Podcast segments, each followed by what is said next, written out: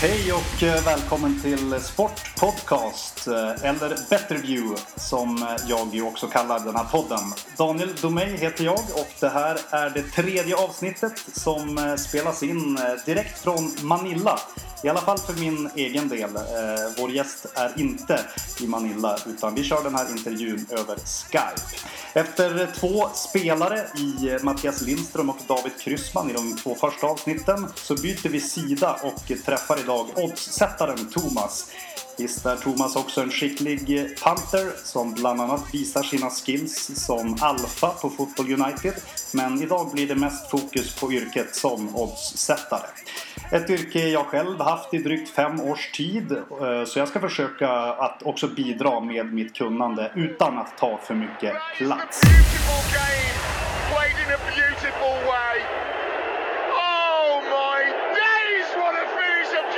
Jag eh, hälsar eh, Thomas välkommen hit. Tackar. Hur mår Thomas idag? Jo då, jag mår bara bra tack. Det är ju måndag morgon har varit som åtsättare en, en hektisk helg. Just som det. det ofta är. Ja precis, det är väl eh, ofta helgerna som det är eh, ganska komprimerat med mycket jobb. Precis, det, det är ju på helgerna och primetime som det händer i, i den här branschen.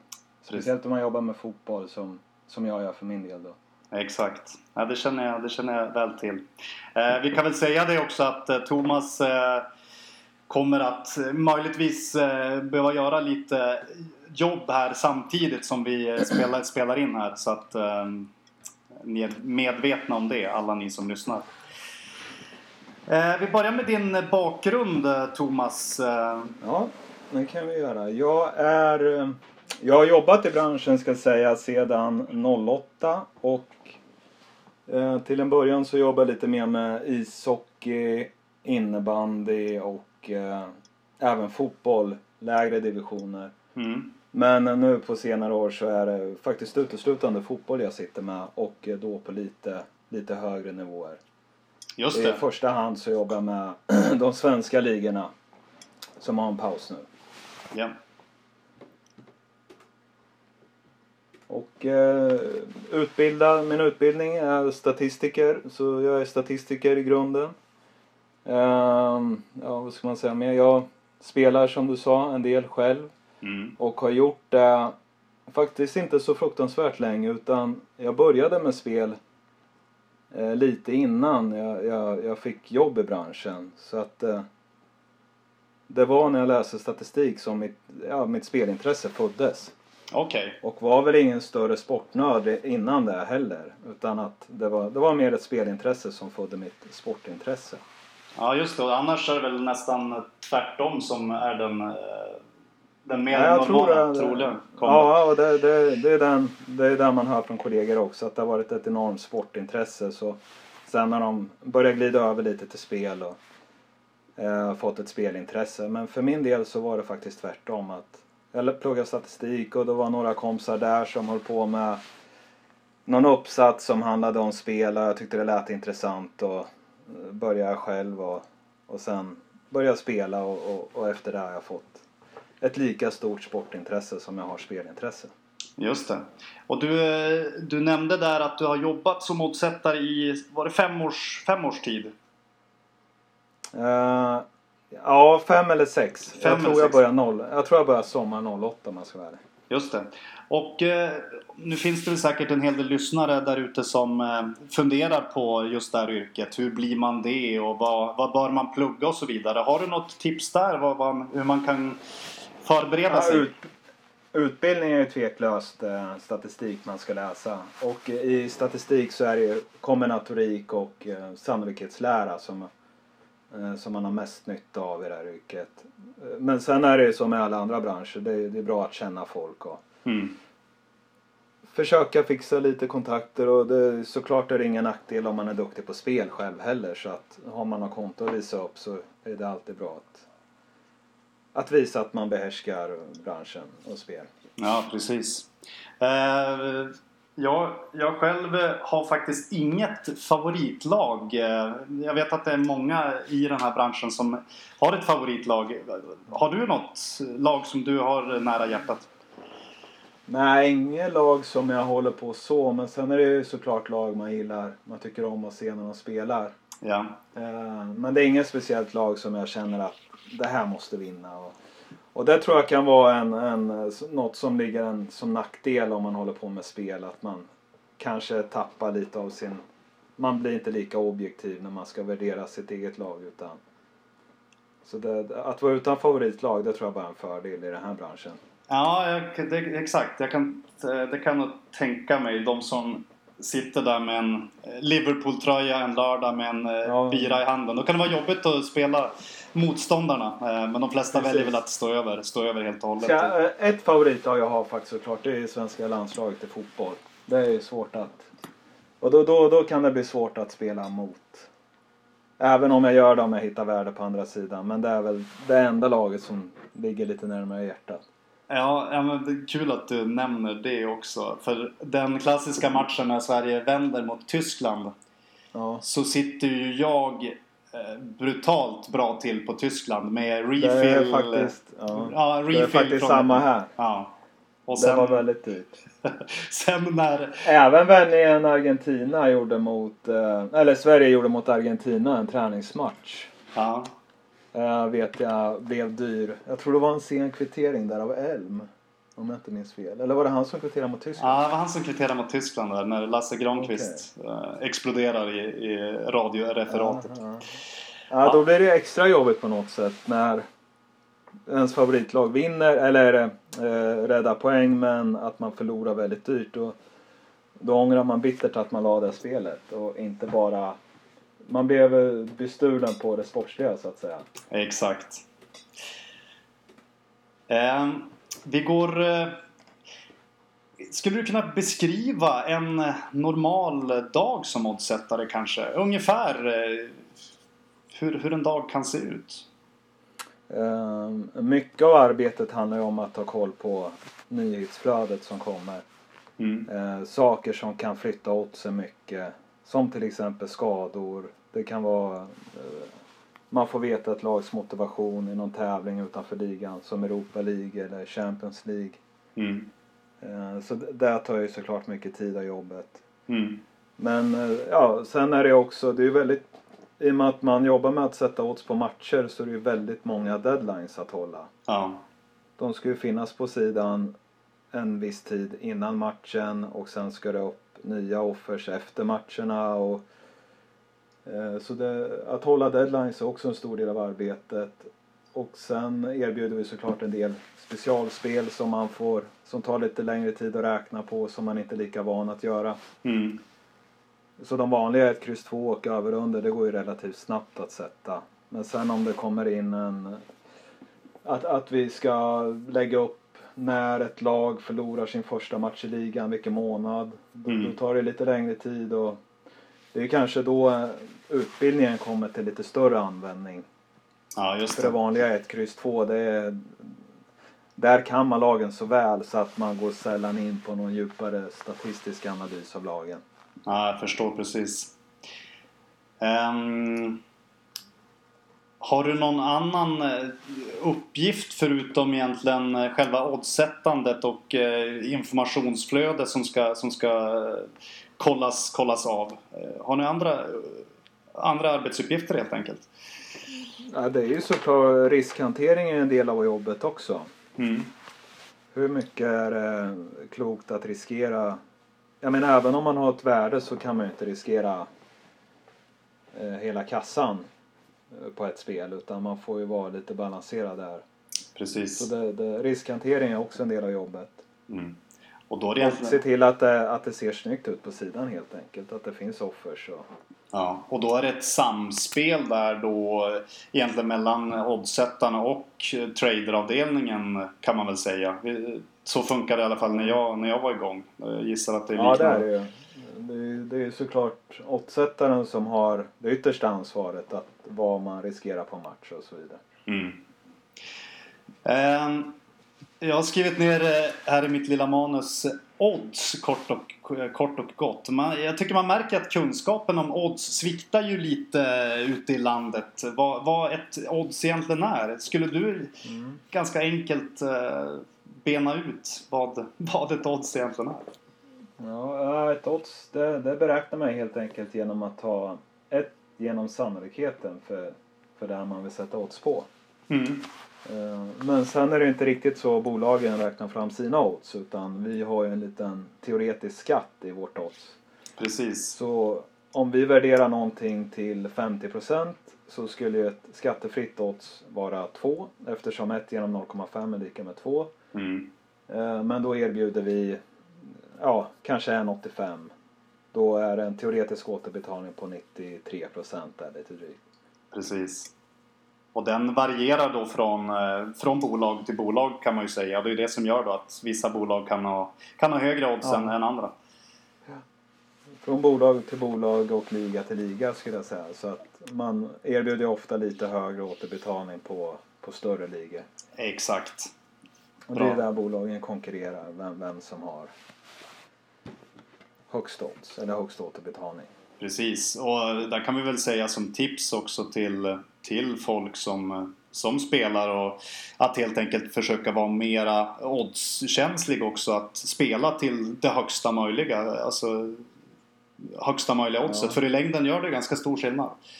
Ja, det gör det absolut. Och det är ju det, är ju det som gör skillnad i längden vad man har ett, ehm, till vilket odds man har spelat när man, när man vinner. Mm. Eh, och det, det, det gör nog större skillnad än vad folk inser. Exakt. Ehm, Då nämnde vi ett råd där och nästa punkt i eh, manuset var ju egentligen att komma in på goda råd för att lyckas på, på spel. Skulle du kunna eh, lägga till en bunt där eller ett par råd eh, som du tycker är viktiga? Eh, det är ju viktigt såklart att man spelar på något man känner till. Mm. Så att eh, sitta en sen kväll och få upp någon stat på en match som spelas på andra sidan jordklotet och börja tippa, det, det är ju såklart ingen bra metod om man vill bli framgångsrik. Utan spela på ligor man känner till. Ja, Och eh, sen är det väl klokt också att inte spela för mycket pengar så man, att man klarar lite otur och eh, dåliga spel utan att behöva förlora alla sina pengar. precis. Lite money, money management som det... Ja, exakt. Det Så- tycker jag är viktigt också. För det, alltså motgångar det får ju alla förr eller senare när det kommer till spel. Ja. Och då är det viktigt att när man är ur den att man har lite pengar kvar. Exakt. Har du fler, eh, fler råd i bakfickan? Att man, eh, att man försöker värdera där man spelar så man inte bara spelar där man tror. Eh, om till exempel Man United står i 1.25 hemma mot Hull så tror ju alla i hela världen att Man United kommer vinna. Mm. Men det är viktigt att eh, de har då en chans som är större än vad 1.25 skulle motsvara. Precis. Och det omvända är ju såklart om du ska få fram en sannolikhet för att något ska hända så tar du ett genom oddset. Mm. Så för att du ska ha att, att Man United till en 25 ska vara bra så bör de ju ha minst 85. Ja, i alla fall över 80% chans att vinna den matchen. Precis. Ehm, lite olika faktorer då som eh, ligger bakom eh, oddssättning. Är det några faktorer som du eh, ska säga, som du tycker är viktigare än andra? Eh, om du förstår vad jag menar. Eh, Ja. Ja, skador, men det är ju också väldigt eh, stort begrepp. Jag menar, det, alla skador påverkar olika mycket. Men det är ju såklart en sak man alltid letar efter när man kollar nyhetsflödet. Mm. Sen försöker man ju väga in lagens motivation. Som i England har vi Midweek nu. Är det några lag som kanske kommer ha mer fokus på eh, helgens matcher. Hur ser spelschemat ut? Mm. Jag menar åker du och ska möta Chelsea borta och har en viktig match i helgen så kanske du lägger fokus där istället. Precis. Samma sak när du kommer till de här Europa League-matcherna så kan det vara vissa lag som prioriterar ligan eller Europa League och därför luftar laget lite kanske i ligan eller Europa League. Så motivation och eh, skador är ju, det, och, och form är såklart viktigt också. Mm. Och eh, någon mer överskattad faktor, till exempel jag själv kan ju tycka att det här med historiska möten kan gå till lite väl stor överdrift i vissa fall. Eh, jag gissar att du eh, tycker ungefär detsamma gällande det. Ja, det eh, lägger man väl ingen större vikt vid. Men eh, däremot så kan det säkert påverka att vissa lag kommer till någon arena. De vet att de historiskt, historiskt haft eh, svårt där. Och mm. det, det, kan nog skapa lite käppar. Men man läser nog det allt för ofta rekar för det, så stor betydelse har det såklart inte. Det kan ju vara helt nya lag, helt nya tränare, helt nya förutsättningar. Så att, eh, men det, det är mycket som påverkar men det lär, eh, man får ju lära sig när det påverkar och hur mycket det påverkar. Exakt. Och, ja, eh, ett viktigt råd där, ett viktigt tips till lyssnarna då är ju att kanske bena ut helt enkelt. Om det finns en historiska resultat som talar väldigt mycket för ett lag så kan man ju kanske kolla när dessa matcher spelades och om det har hänt mycket ja. i truppen, truppen sen sedan dess. Exakt, kanske försöka se då varför det Det kan ha varit ett möte när ena laget saknar motivation. Det, det kan vara allt som ligger bakom det, det, det historiska resultatet. Precis. Eh, tänkte hoppa vidare till eh, lite frågor som har eh, ramlat in här på, på, i Twitterkanalen, Twitterflödet. Eh, ja. Från mina eminenta följare. Några av dem i varje fall. Eh, Arash eh, som har eh, varit med oss förr eh, ser fram emot allmänna tankar om hur du då tillämpar stat och metodologi. Eh, vad, vad kan du säga där? Uh, uh, Ja, till, till, till de vanliga oddsen, ett kryss 2 över under som jag sa tidigare så är det mer att man, man kan lagen, man vet vad, vad de ska stå givet skador och avstängningar, motivation och så vidare. Mm. Själva, om man förstår frågan rätt, så själva de, de statistiska färdigheterna man har, de använder man ju mer vid de här specialspelen. Precis. Som man, som man ofta får erbjuda. Ja, som du var inne och, in och nuddade vid för ett tag sedan här. Precis. Och ja. kanske även eh, ja, om, en, om en lag eh, målskyttspel. Eh, vilket odds en spelare ska stå i att göra mål i en viss match. Då antar jag att du får använda. Precis. Precis. Då, då, då får man ju räkna med på det. Och samma sätt hur många mål gör en spelare och mm. göra mål via nick göra mål. Eh, ja, det, det finns ju ett, ett, stort exempel av offer som erbjuds nu. Det, det mesta som det mesta går ju att spela på. Exakt, men eh, väldigt kul kommer jag ihåg själv när jag jobbade med, med det här. Att sätta mm. de oddsen, väldigt kul. Alltså om en viss spelare ska göra mål från utanför, skott utanför straffområdet till exempel. Ja, jag håller med. Det är ju såklart att, eh, jag menar sannolikhetslära och det, det är någonting jag tycker är roligt och då är det ju kul när man får, när man får klubbra lite på det. Och, eh, till exempel ett, ett, eh, när ett lag förlorar sin första match. Mm. Det beror ju såklart på hur många matcher de har den månaden och vilka de möter. Och det, sånt tycker jag också är kul att räkna på. Ja, absolut. Eh, Lite variation. Exakt. Bettingamatören eh, har vi på Twitter också. Han har eh, lite frågor här. Vad du har för åsikter om vad en optimal ROI är? Uh, om man säger så här så tycker jag nog att man ska undvika spel om man har mindre än 3% värde på det så man har lite marginal. Mm. Uh, och då är det ju någonstans. Annars är det ju svårt att säga optimal ROI. Det är såklart så, så hög som möjligt. Mm. Men eh, jag tycker man ska, man, ska vara, eh, man ska nog vara lite försiktig och har man mindre än 3% så kan det nog vara bra att vänta på nästa match istället. Eh, han frågar även om dina egna, egna siffror. Sånt eh, kanske du inte vill delge här i podden. Men han har i alla fall ställt frågan om din genomsnittliga avkastning Och antal spel per år. Ja, mina spel håller jag, det håller jag helst för mig själv. Det tror jag de flesta gör som spelar. Ja, det är en, Eller ja, inte alla men en, en stor del gör nog i alla fall det. en stor del, ja det stämmer absolut. Ehm, vad tycker du är roligast? Det är samma, samma kille som undrar här. Vad tycker du är roligast? eh, Jobba mot eller med spelbolag?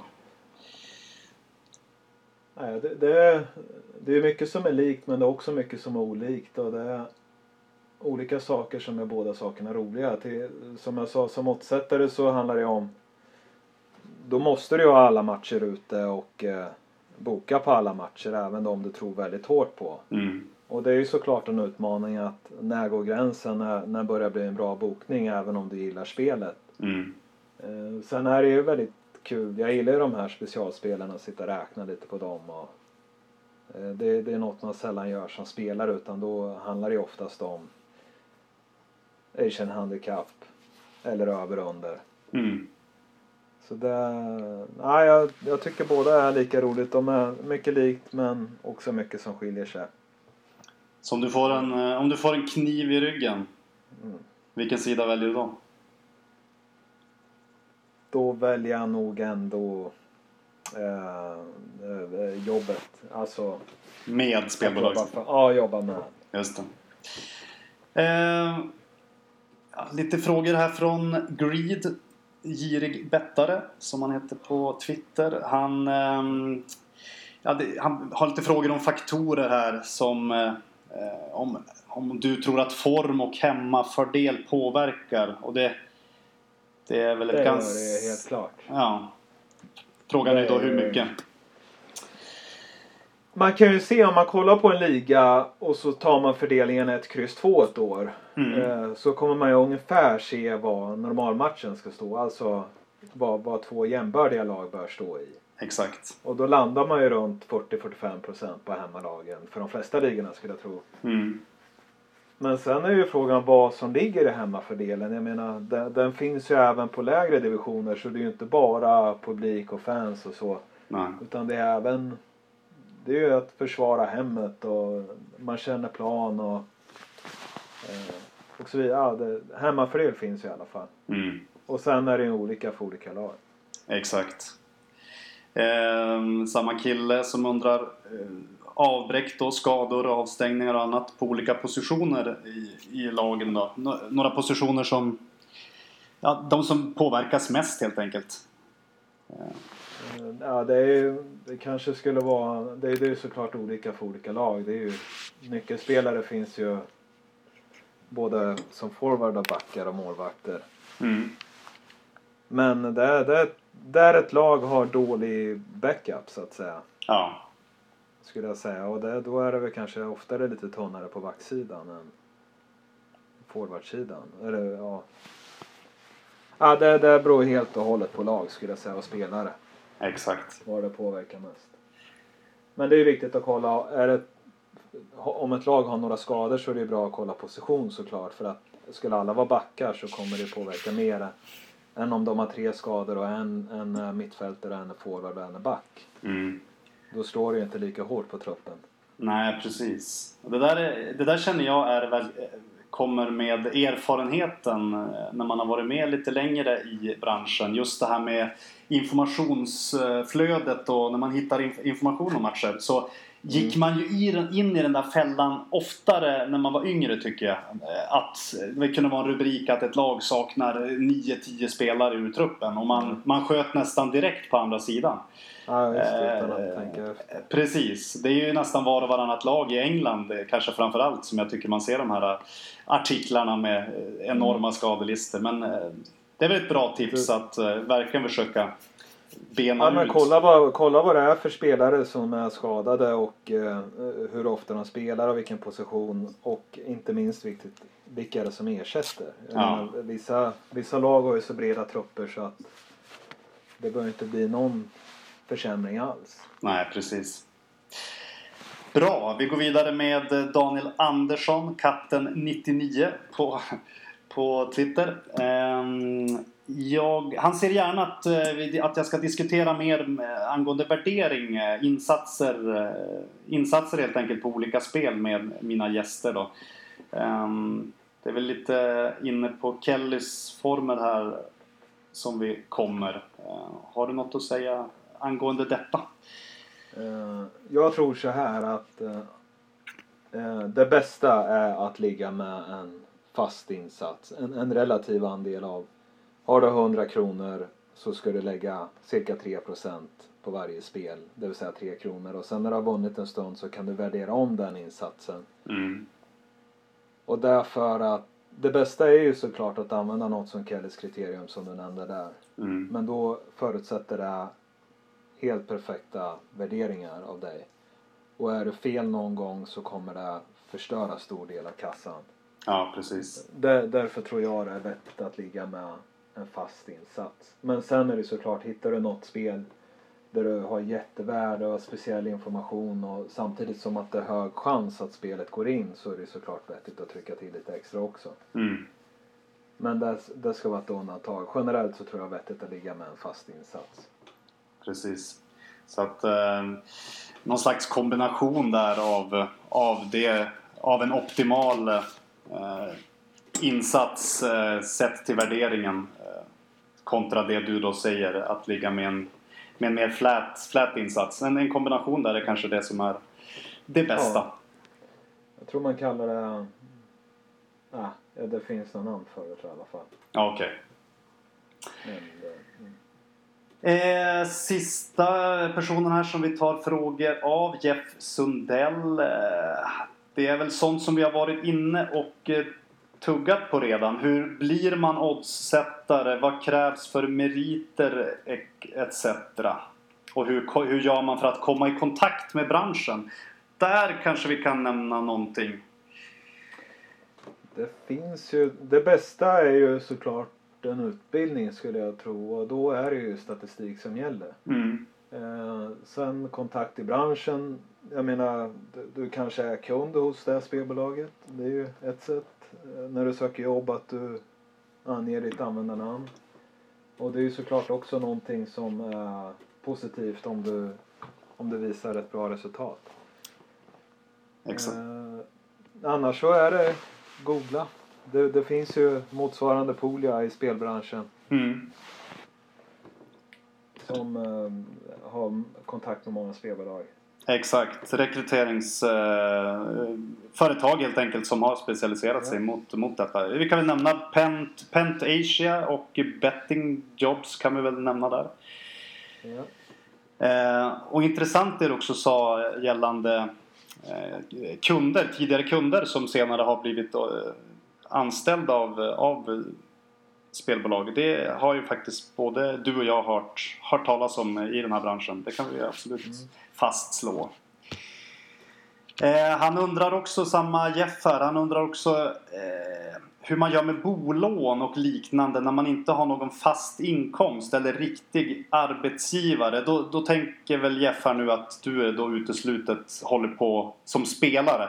Nu är ju inte riktigt, nu är inte fallet så men Ja, jag tror banker är ovilliga att låna ut sina pengar om man bara kan visa upp spel som inkomst. För det, det räknas nog som en högst tvivelaktig inkomstkälla. Ja, verkligen. Och det är ju exakt så det ska vara också. Det är, ju- det är väl vä- väldigt bra och väldigt sunt att det är så. Men eh, som sagt det var... andra långivare. Ja, precis. Men vi fastslår här i alla fall så att det inte blir några tveksamheter att eh, Thomas har fast inkomst. En riktig arbetsgivare som eh, oddssättare då. Så att det inte finns några tvivel kring det. Eh, vi avslutar med eh, ett dragtips inför helgen. Jag, kanske, jag, jag inleder där. Jag kommer, inte inle- jag kommer inte att släppa något inför helgen utan det blir ett, en liten fransk baguette här till Midweek. Franska Ligue 1 har också, har också Midweek som, som England. Ehm, Ja.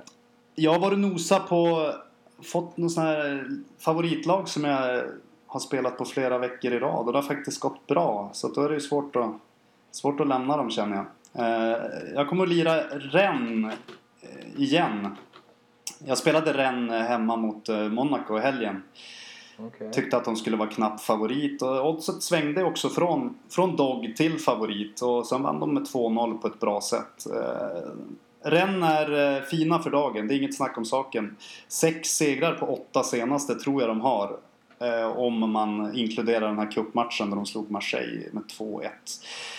Ehm, och de möter då ett Nice som är eh, formsvagt. Är väl lite fel att säga med tanke på att de ändå stod upp riktigt bra mot PSG i lördags trots förlusten där. Men eh, dåliga resultat har de på, eh, under en ganska lång tid här.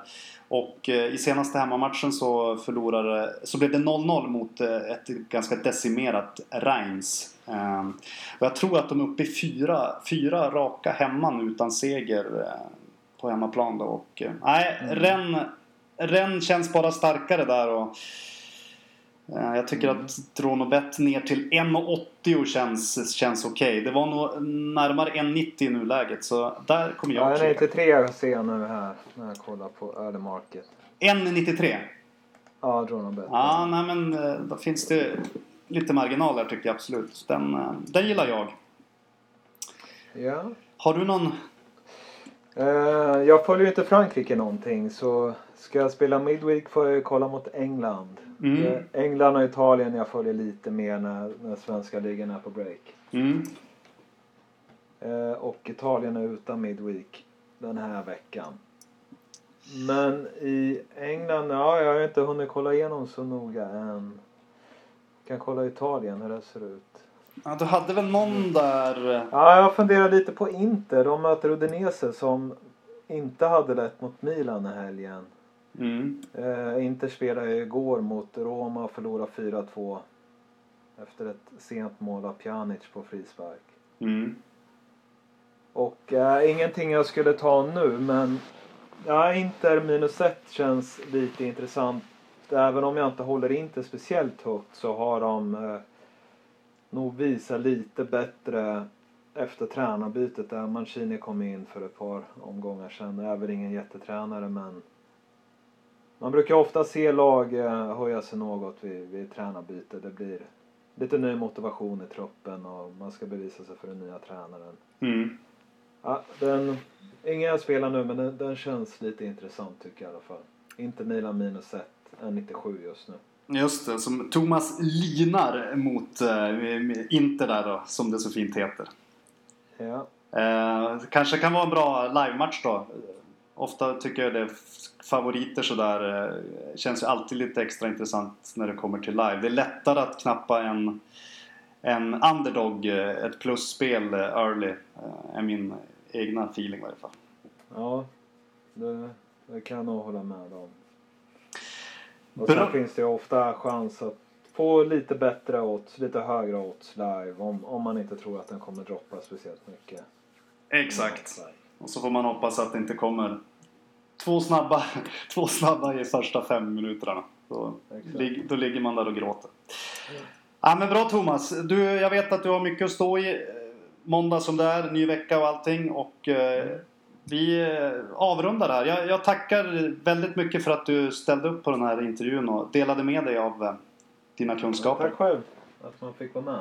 Ja, ha en trevlig eh, vecka. Ja, detsamma. Bra, bra. Hej, hej. hej, hej.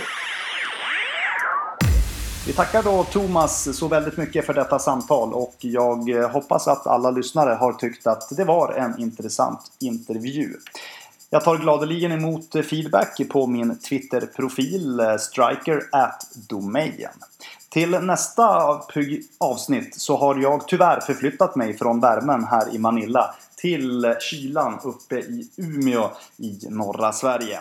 Jag har ett intressant namn på gång som befinner sig där uppe och jag hoppas få till ett eh, samtal med honom som renderar i det fjärde avsnittet av Sportpodcast Betterview. Tills dess så kan jag bara önska ett trevligt december och mer information, ja det kommer att komma på Twitter eh, under min profil. Ha det bra så länge!